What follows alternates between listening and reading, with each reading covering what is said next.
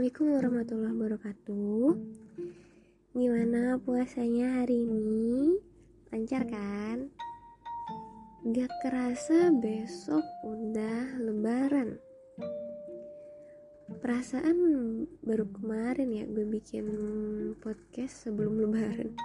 Eh, sebelum ramadan. Terus tiba-tiba udah lebaran aja. Gue semenjak di rumah ini suka lupa hari gue nggak tahu kapan hari libur sama hari tidak libur. Untungnya ayah kan masih kerja. Jadi kalau ayah nggak kerja berarti hari minggu. Kalau ayah kerja terserah deh hari apa yang pasti bukan hari minggu. Dan hari kamis pun gue kaget banget. Kok bapak gue libur? Ternyata emang tanggal merah saking nggak tahu ya gini kali ya efek kelamaan nganggur. Jadi nggak tahu hari nggak tahu tanggal. Oh iya sebelumnya uh, mohon maaf lahir dan batin untuk pendengar-pendengar podcastku.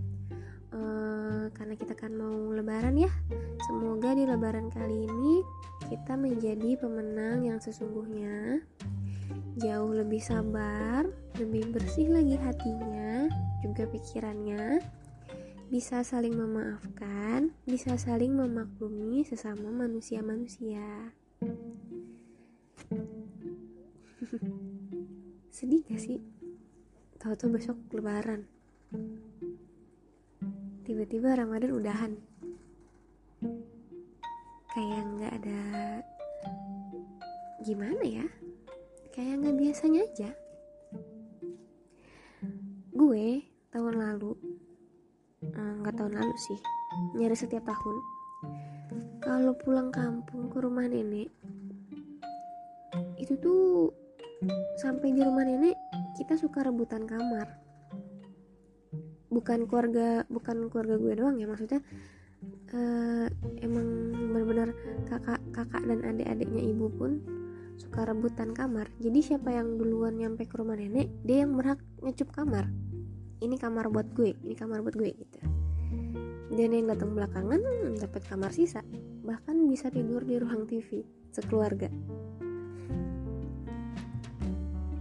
Dan sekarang gue nggak merasakan itu. Biasanya ya di malam takbiran kayak gini gue tuh udah di rumah nenek dan udah ngedengerin pemuda-pemuda keliling kampung buat takbiran.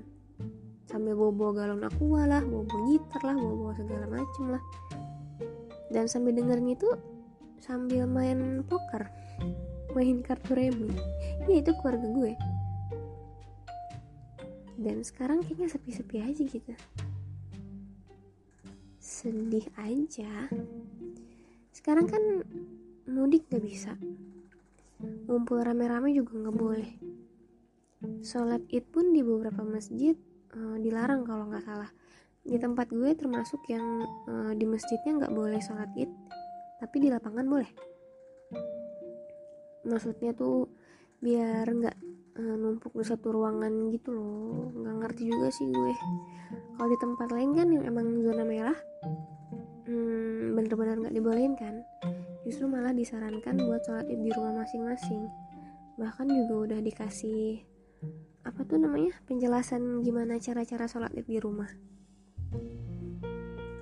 Tapi ya mau gak mau ya sudah. Karena itu demi kebaikan kita bersama. Ya semoga aja pandemi ini cepat berlalu. Kita juga bisa cepat beraktivitas kayak biasa ya. Pengen cepet baik-baik aja sih sebenarnya. Oh iya. Kemarin kan gue mikir gue nggak akan stres saat lebaran karena nggak akan ada yang nanya kapan kerja? Kapan nikah? Kapan ini itu segala-gala macem. Tapi ternyata gue tetap stres. Beberapa hari yang lalu gue masuk ke fase di mana gue merasa tidak berguna. gue uh, mungkin udah pada tahu juga gue tenaga kesehatan dan gue di rumah aja. Kenapa? Karena gue lagi gak boleh kerja sama orang tua. Alasannya karena lagi pandemi ya ternyata ada-ada aja orang yang ngomong itu kan kerjaan lu harusnya lu ikut. Kan ada lowongan tuh jadi relawan kenapa nggak ikut? Gimana sih? Masa dokter di rumah aja bukannya ikutan iniin corona? Ya karena alasan orang tua gue melarang adalah persyaratan jadi relawan pun uh, harus ada persetujuan orang tua dan bebas dari komorbid. Komorbid ini semacam penyakit penyerta yang beresiko jadi lebih parah kalau misalnya gue terinfeksi uh, si covid ini. Gue punya asma. Nah, asma tuh penyakit pernapasan tuh kan itu si corona nyerangnya pernapasan akan tinggi resiko nafas gue makin amburadul ketika gue punya asma.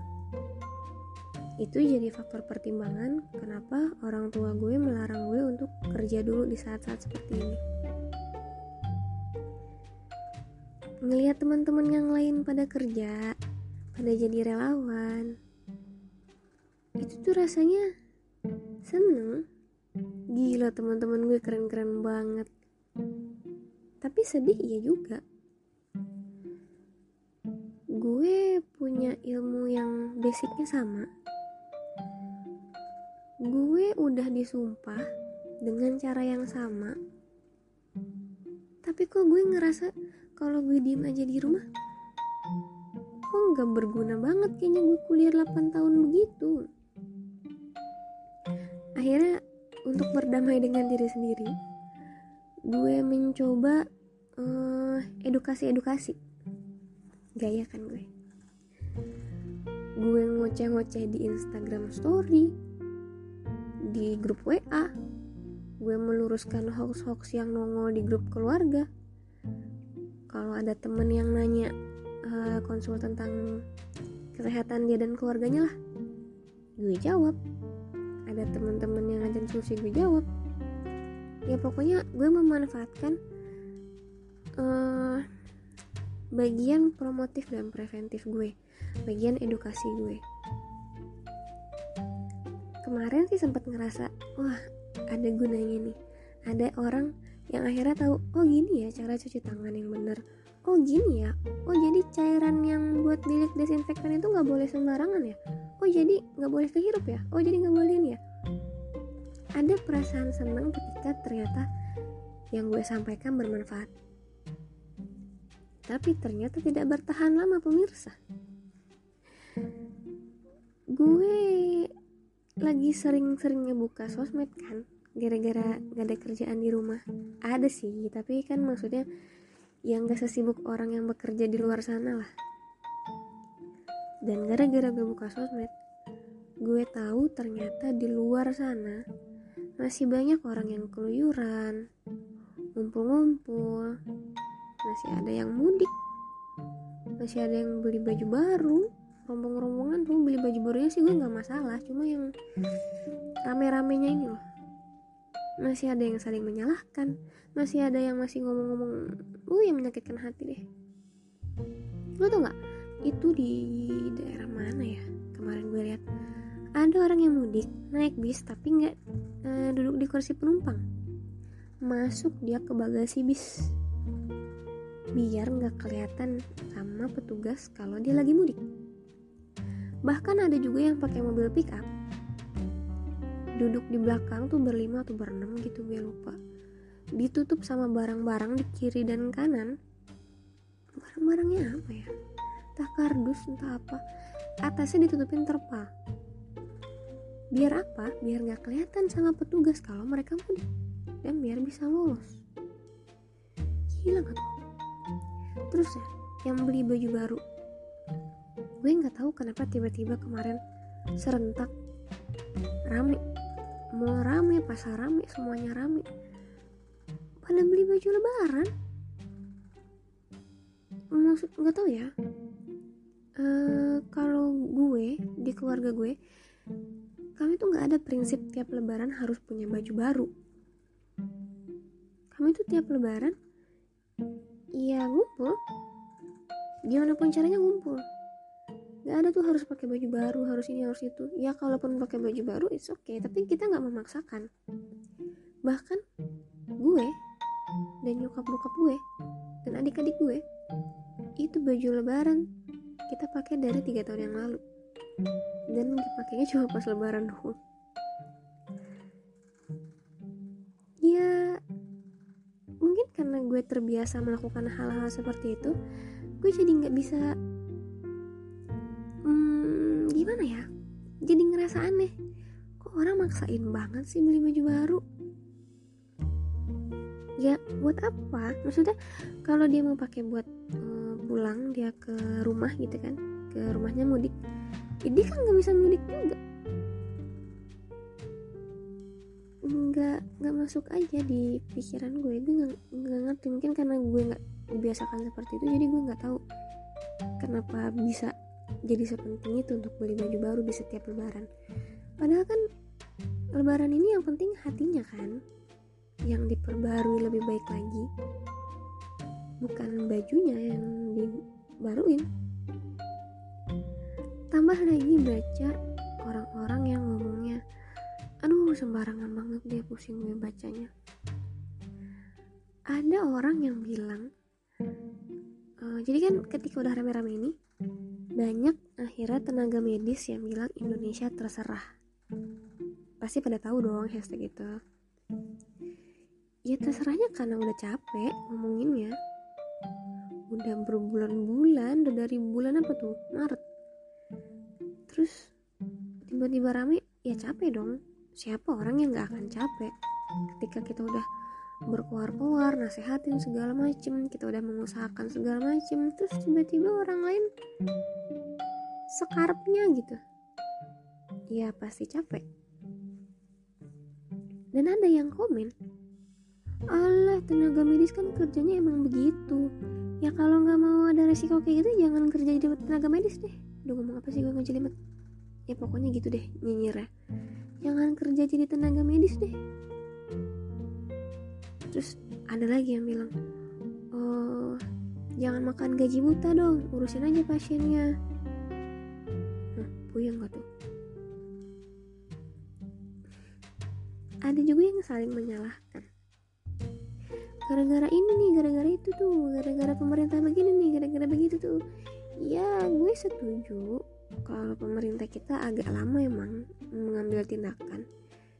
Tapi begitu udah ngambil tindakan lah itu orang yang berkuar-kuar melanggar juga kan. Jadi nih gimana? Aduh gimana ya? Gue rasa nggak cuma gue yang kecewa. Gue rasa semua orang akan kecewa. Nggak cuma tenaga kesehatan, orang-orang yang kena PHK juga pasti kecewa. Lu bayangin deh, mereka yang udah tadinya ngebayangin tahun ini gue punya THR, gue akan ngasih ini, ngasih itu, beli ini, beli itu.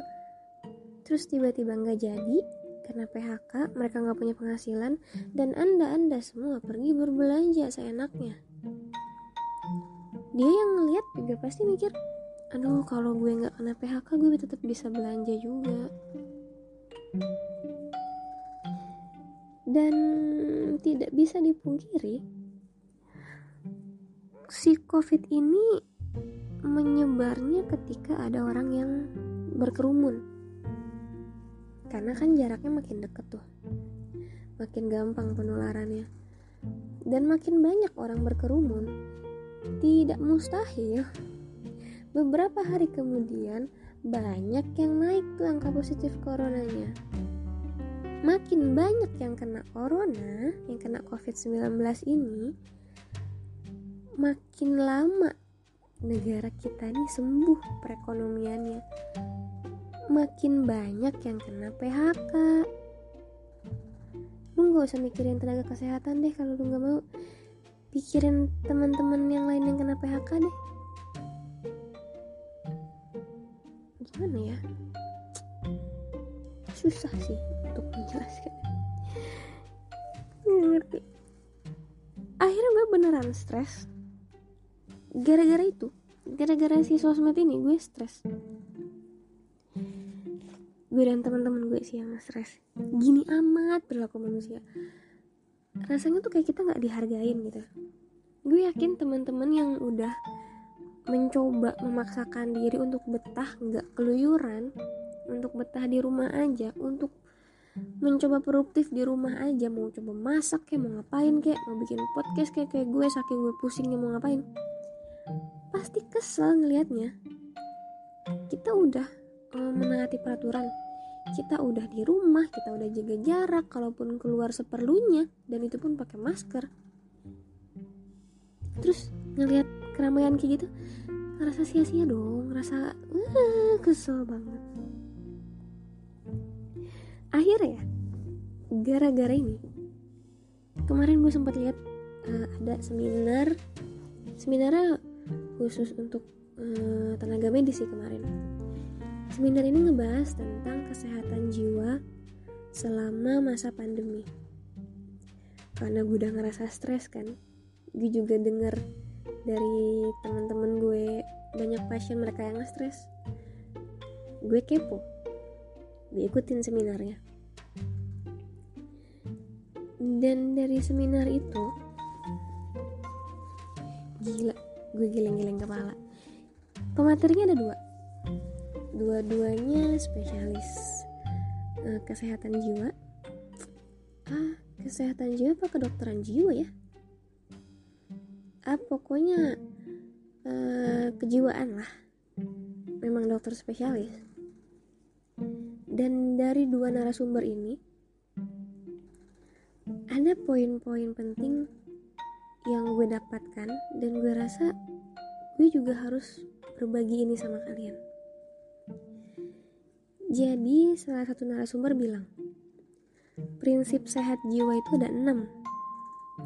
Merasa senang dan bahagia, bisa berkembang, bisa menyesuaikan diri dan menghadapi tekanan, bisa menggali potensi diri, bisa bekerja atau berkegiatan yang bermanfaat, dan bisa berperan aktif.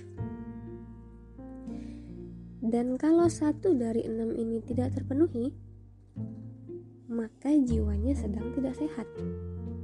Nah lo, gue sedang tidak senang dan tidak bahagia. Gara-gara stres mikirin begituan, gue tidak bisa menghadapi tekanan dengan baik dan benar. Jadi tidak sehat kan?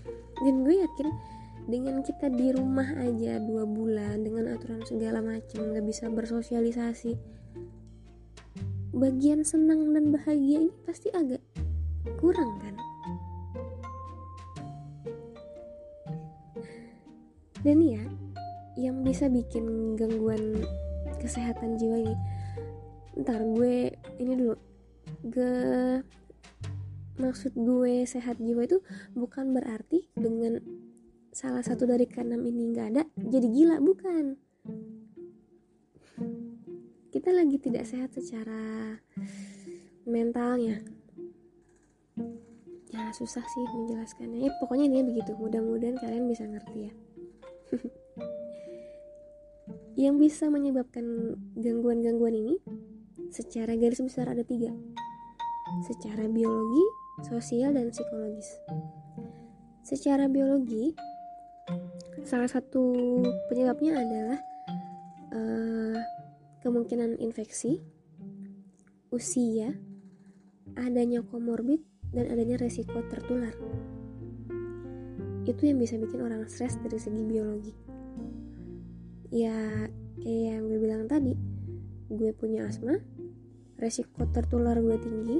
Ah, bukan resiko tertular, resiko perburukan gue tinggi, jadi gue stres dong. Aduh nggak bisa nih gue gue nggak boleh kena ini ada juga orang yang uh, resiko tertular tinggi. Kayak misalnya yang kerja di rumah sakit.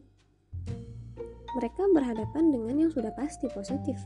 Untuk yang memang udah positif ya resiko tertular sangat tinggi.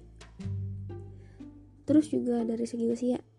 Anak-anak sama lansia tuh yang imunnya ya kurang sebagus yang dewasa lah. Itu bisa bikin mereka stres juga. Itu baru dari segi biologi belum dari segi sosial. Segi sosial ini semacam komunikasinya gimana? Ya di saat-saat seperti ini komunikasi kita terganggu kan sama orang-orang lain sosialisasi kita juga terganggu. Kerjaan terganggu kegiatan terganggu. Sama kayak lansia yang kalau kita kasih aktivitas ya ngumpul-ngumpul kayak senam kayak apa kayak mereka lebih seneng kan dan lebih bugar kelihatannya dibandingkan dengan lansia yang diam aja di rumah yang ngapa-ngapain lebih lesu kelihatannya.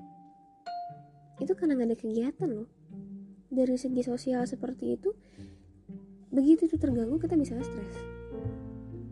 Kemudian dari sisi psikologis berupa dukungan terus juga stigma-stigma orang ya kemarin mungkin udah bilang tentang tenaga kesehatan yang diusir dari kosannya. Di sini deket rumah gue nih uh, jadi si bapak ini sering bolak-balik dari zona merah karena emang kerjaannya itu. Dan bapak ini otomatis jadi PDP ketika dia lagi batuk-batuk. Hmm, sebenarnya waktu di rapid negatif sih. Cuma stigma orang-orang tuh bener-bener wah PDP dan PDP ini kayak yang gimana banget gitu ya it's okay maksud gue bukan berarti ada pasien yang kita pikirkan corona kita tidak merasa takut terus oh nggak apa-apa kok harus kita berdekatan enggak gitu juga kita cukup tahu dia positif atau kemungkinan positif, silahkan jaga jarak, tapi ya biasa aja. Jangan dijauhin. Stigma-stigma itu bikin uh pusing banget. Tambah lagi stigma isolasi ini kesannya gimana gitu. Padahal ya isolasi, ruangan aja. Gak bakal diapa-apain juga kok di sana. Cuma karena kesannya udah menyeramkan, ya susah dan dari seminar itu pun gue dapat uh, ada dua poin dua poin uh, apa ya namanya dikotom kendali. Jadi di dunia ini hanya ada dua hal. Yang bisa kita kontrol dan yang tidak bisa kita kontrol. Misalnya yang bisa kita kontrol itu diri kita sendiri. Atau minimal keluarga. Atau minimal pengetahuan orang. Tapi kita tidak bisa mengkontrol gimana orang itu mengambil sikap kita nggak bisa memaksa itu di luar kendali kita dan kalau kita nggak bisa mengendalikan itu ya harusnya jangan diambil pusing bijaksanalah dalam membedakan tidak semua bisa kita kendalikan. Jadi kita harus belajar ikhlas dan harus belajar memahami. Ini poin yang penting. Mungkin ini terjadi di diri gue dan di teman-teman gue yang lain. Kita merasa harusnya bisa loh selesai kalau begini, kalau begini, kalau begini. Kalau kalian nggak begini, nggak begitu, nggak begitu. Kalau nggak ada yang keluyuran dan segala macam. Cuma perilaku orang lain itu di luar kendali kita dan ketika kita tidak mendapatkan itu ya sudah jangan dibawa pusing sampai akhirnya stres itu membuat uh, kita jadi malas mengendalikan sesuatu bahkan hal yang sebenarnya bisa kita kendalikan. Gitu loh. Gila gak sih? Dan setelah mendengar itu gue ngerasa oh iya ya gue terlalu memaksakan orang lain untuk melakukan apa yang gue mau. Gue mau orang-orang tetap di rumah dan segala macem. Ya gak bisa gue paksakan.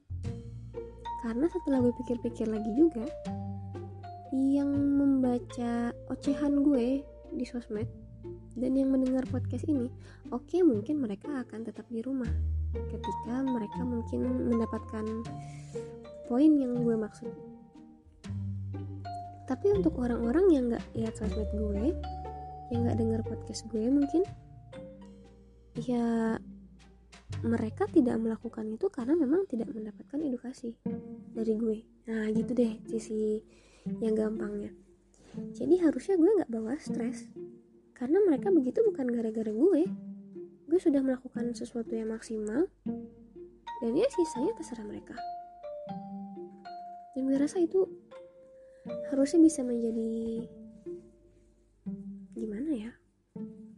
Bisa menjadi sebuah pola pikir baru buat kita semua karena kita jadi oh iya ya udah kalau dia begitu ya udah. Jangan sampai orang yang ngeyel ini bikin kita stres dan justru bikin kita jadi semakin gak produktif. Sedangkan yang membutuhkan kita yang mendengarkan kita yang masih bisa ya masih membutuhkan nasihat kita tuh masih banyak. Iya gue kasih info lagi. Ini dari skripsi gue. Gila kayaknya podcast kali ini padat sekali. Jadi dulu gue pernah uh, meneliti tentang perilaku seseorang terhadap rokok. Di situ gue berasumsi ini buat anak-anak sekolah ya. Gue berasumsi uh, harusnya orang-orang yang tahu tentang kesehatan. Uh, dalam maksud gue di sini anak-anak jurusan IPA nah kan mereka tahu tuh zat-zat kimia dalam rokok tahu juga gimana fungsi paru-paru. Harusnya dengan pengetahuan yang bagus itu dibandingkan anak IPS yang tidak mendapatkan pelajaran itu harusnya mereka pun dikit yang rokok gitu tuh dan ternyata setelah gue teliti-teliti lagi masih ada-ada aja yang ngerokok tuh anak IPA dan alasannya bukan karena dia nggak tahu. Karena pengen aja. Atau kadang pengen ikutin temennya aja. Jadi ya perilaku seseorang itu menurut Atkinson tahun 1999 lagi ujian skripsi gue perilaku itu adalah aktivitas suatu organisme yang dapat didetek dideteksi yang dapat dideteksi dan dapat dipengaruhi oleh faktor stimulus yang diterima. Stimulusnya ini bisa eksternal, bisa internal. Dan dia melibatkan kognitif, afektif, dan motorik sehingga bisa dipelajari dan bisa diukur dengan pengetahuan, sikap, dan bagaimana tindakannya. Nah, itu ada tiga poin tuh, pengetahuan, sikap, dan tindakan. Jadi yang mempengaruhi perilaku orang tuh ada tiga ini, secara garis besar ya. Dari pengetahuan misalnya, gue mungkin akan mm, membahas tentang yang rokok tadi dikit sama tentang si corona-corona ini dari segi pengetahuan orang tahu tentang bahaya covid. Orang tahu covid ini menyerangnya siapa aja. Cara menyerangnya gimana? Ya ada yang tahu ada yang enggak. Ketika ada yang nggak tahu kita bisa memaklumi kalau perilakunya masih kurang tepat. Karena memang dia nggak tahu. Nah, dari sini kita kasih edukasi panjang lebar dengan harapan dia jadi tahu dan dengan harapan dia jadi menurut. Jadi sama-sama kerjasama gitu untuk menyelesaikan pandemi ini. Tapi ternyata pengetahuan itu bukan satu-satunya hal yang mempengaruhi perilaku. Ada lagi yang namanya sikap. Sikap ini termasuk gimana cara pandangnya gimana ide-ide di kepala dia gimana pendapatnya gimana kepercayaannya misalnya nih kita udah ngasih pemaparan segala macam covid itu begini ini begini begini begitu. Tapi ternyata dia percaya banget gitu sama teori yang bilang virus ini nggak ada. Virus ini uh, cuma imajinasi aja. Cuma dibikin-bikin aja. Ya pada akhirnya dia tidak akan mengikuti aturan. Karena yang dia percayai seperti itu ini yang susah. Ya kalau dia nggak percaya ya ya udah.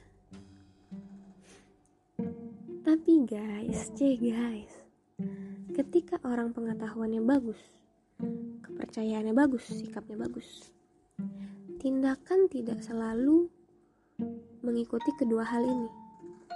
Ada beberapa faktor yang mempengaruhi. Kalau pas uh, deskripsi gue tentang yang ngerokok ini rata-rata pengetahuannya bagus. Sikapnya bagus? Dia tahu kalau ngerokok itu bahaya. Dia tahu kalau efeknya begini begitu segala macam. Tapi ketika ditanya kenapa dia tetap ngerokok?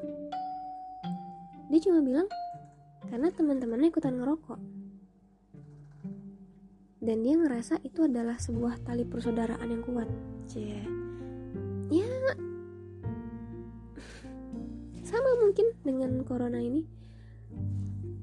Kita anggaplah mungkin pedagang-pedagang di pasar dia tahu tentang si corona ini gimana. Dia juga nggak pengen keluar dia pengen di rumah aja tapi keadaan memaksa dia untuk tetap keluar. Akhirnya dia keluar rumah jualan. Karena memang itu yang ya itu satu-satunya cara yang bisa dilakukan untuk mempertahankan hidupnya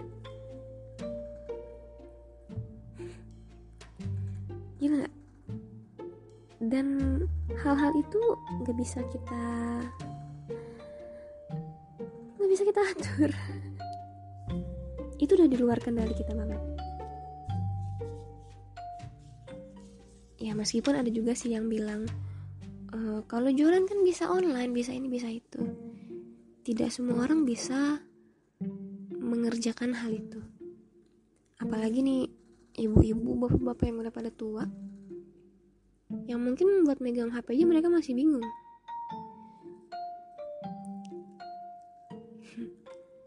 Kita harus bisa beradaptasi. Yang gak bisa beradaptasi ya udah mau digimanain. Gitu kan kata orang.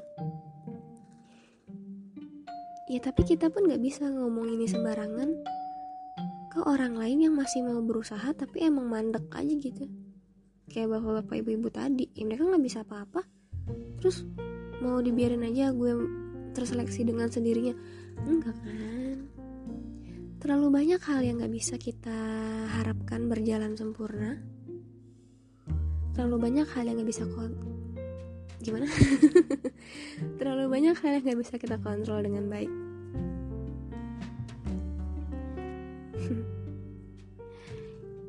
kita nggak bisa memaksakan orang-orang untuk menjadi seperti apa yang kita mau. Kita cuma bisa sampai di tahap menasehati dan membuat mereka mengerti. Dah, itu aja. Sisanya ya gimana dia. Itu udah di luar kendali kita. Kita boleh bilang terserah, tapi bukan berarti kita nyerah kan? Kita masih bisa saling menghargai. Ya kalau emang masih mau keluar, masih mau belanja, itu oke, okay, terserah. Tapi ya seterserah-terserahnya tolong hargain juga. Tetap taati aturan. Jaga jarak, pakai masker, rajin cuci tangan tuh ya. Etika batuknya juga dijaga. Terus juga peraturan-peraturan yang udah dibikin pemerintah tuh ya diikutin gitu. Yang katanya uh, apa? Di mobil nggak boleh duduk di depan tuh berdua. Terus ada yang marah gara-gara mereka kan suami istri. Ya sudah aturannya seperti itu. Tinggal pindah ke belakang tuh apa susahnya? Lagian kan dengan Anda pindah ke belakang bukan berarti Anda tidak menjadi istrinya lagi kan? Oke, mungkin juga ngerasa kayak supir dong suami gue kalau di depan sendirian. Ya, bukan begitu juga nyokap gue pun kemarin bilang kenapa sih harus digituin? Padahal kalau misalnya di mobil nih misalnya nggak boleh di depan meskipun suami istri. Lah di rumah kan mereka sekamar bareng juga kontak juga. Sedangkan aturan itu kalau menurut gue dibikin yang gak mungkin kan petugas cek satu-satu suami istri atau bukan kalau bukan silakan lanjut. Kalau eh salah. Kalau ya silakan lanjut. Kalau bukan silakan ke belakang dulu. Nggak mungkin kayak begitu kan? Makanya biar simpel biar lebih sama-sama gampang depan sendiri. Istrinya atau siapanya di belakang. Jangan deket-deket dulu. Jadi ya tinggal lewat-lewat aja gitu. Kan sama-sama memudahkan kan? Saling menghargai lah kita suka lucu ya ya udah deh semoga di ramadan kali ini yang sudah berakhir ini kita bisa dapat hikmahnya, bisa sama-sama belajar sabar dan lebih sabar lagi. Gila ya, bulan Ramadan ini kita habis-habisan loh cobaannya. Jadi gimana? Masih mau sabar kan? nah, selamat Hari Raya Idul Fitri ya teman-teman semua yang mendengar podcast ini. Semoga nggak bosan dengarnya. Mohon maaf lahir dan batin. Uh, gue sekeluarga. Minta maaf kalau misalnya ada salah-salah kata salah-salah tindakan dan apa pun yang salah-salah lah yang sadar ataupun kita nggak sadar mohon dimaafkan. Uh, kita sama-sama memaafkan sama-sama belajar ikhlas sama-sama belajar mengerti semoga kita sama-sama menjadi pribadi yang lebih baik lagi. Ya itu aja. Sekali lagi selamat hari raya idul fitri ya teman-teman semua. Tetap di rumah gak usah ke mana-mana. Kalaupun harus keluar jaga jarak pakai masker dan rajin cuci tangan pakai sabun. Bye